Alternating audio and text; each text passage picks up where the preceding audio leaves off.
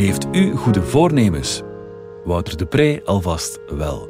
Hij wil eigenlijk niet meer te pas en te onpas eigenlijk feitelijk zeggen. Ook Engelse termen als cool, really, what the fuck of holy shit wil hij voortaan avoiden. En hij hoopt vooral van u hetzelfde.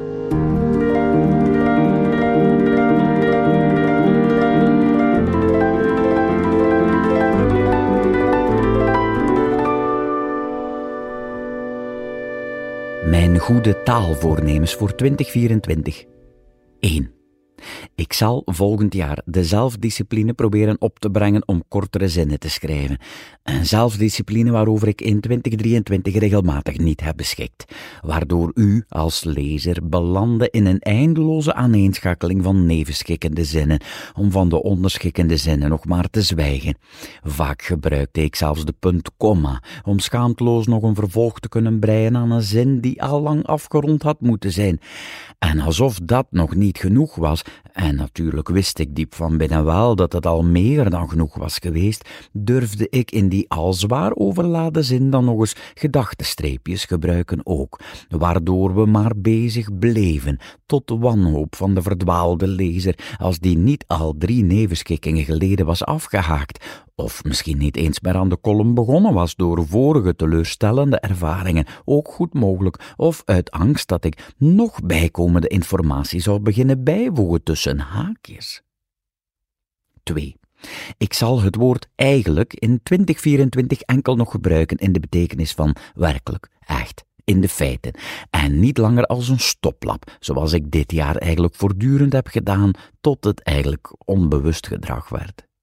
Ik besef dat dit eigenlijk niet meer door de beugel kan en dat ik het woord eigenlijk, eigenlijk aan de lopende band oneigenlijk heb gebruikt.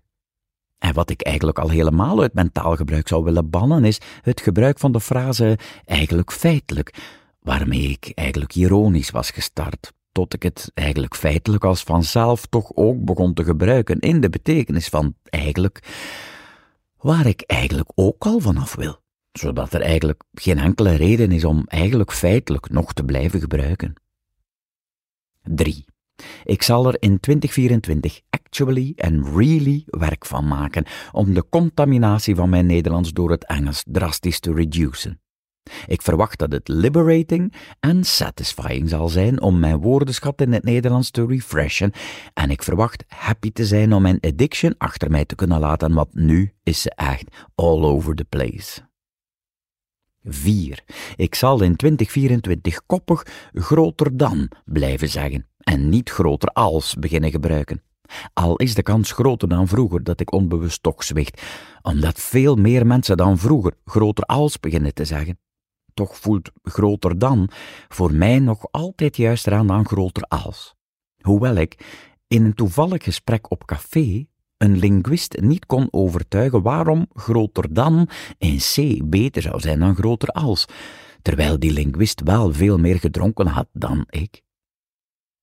5. Ik ga in 2024 proberen over te schakelen van moest ik in Brussel wonen bijvoorbeeld, naar mocht ik in Brussel wonen. In mijn spreektaal, hoewel het onnatuurlijk blijft aanvoelen en ik al op voorhand weet dat er maar een kleine kans is dat het lukt omdat ik niet weet of mijn motivatie wel intrinsiek is. Mocht ik toch blijven zeggen, moest ik in Brussel wonen, bijvoorbeeld, zou het mooi zijn mocht je mij dat niet al te kwalijk nemen. 6. Ik ga in 2024 moedig weerstand blijven bieden aan de trend van het wegvallen van het betrekkelijk voornaamwoord dat. Die trend maakt momenteel een onrustbarende opmars, die we nu nog kunnen stuiten met een dam van correcte betrekkelijke voornaamwoorden, die we samen moeten opwerpen met een verenigde kracht die nooit mag versagen en een discipline die nooit mag verzwakken. Tot hier mijn voornemens voor 2024.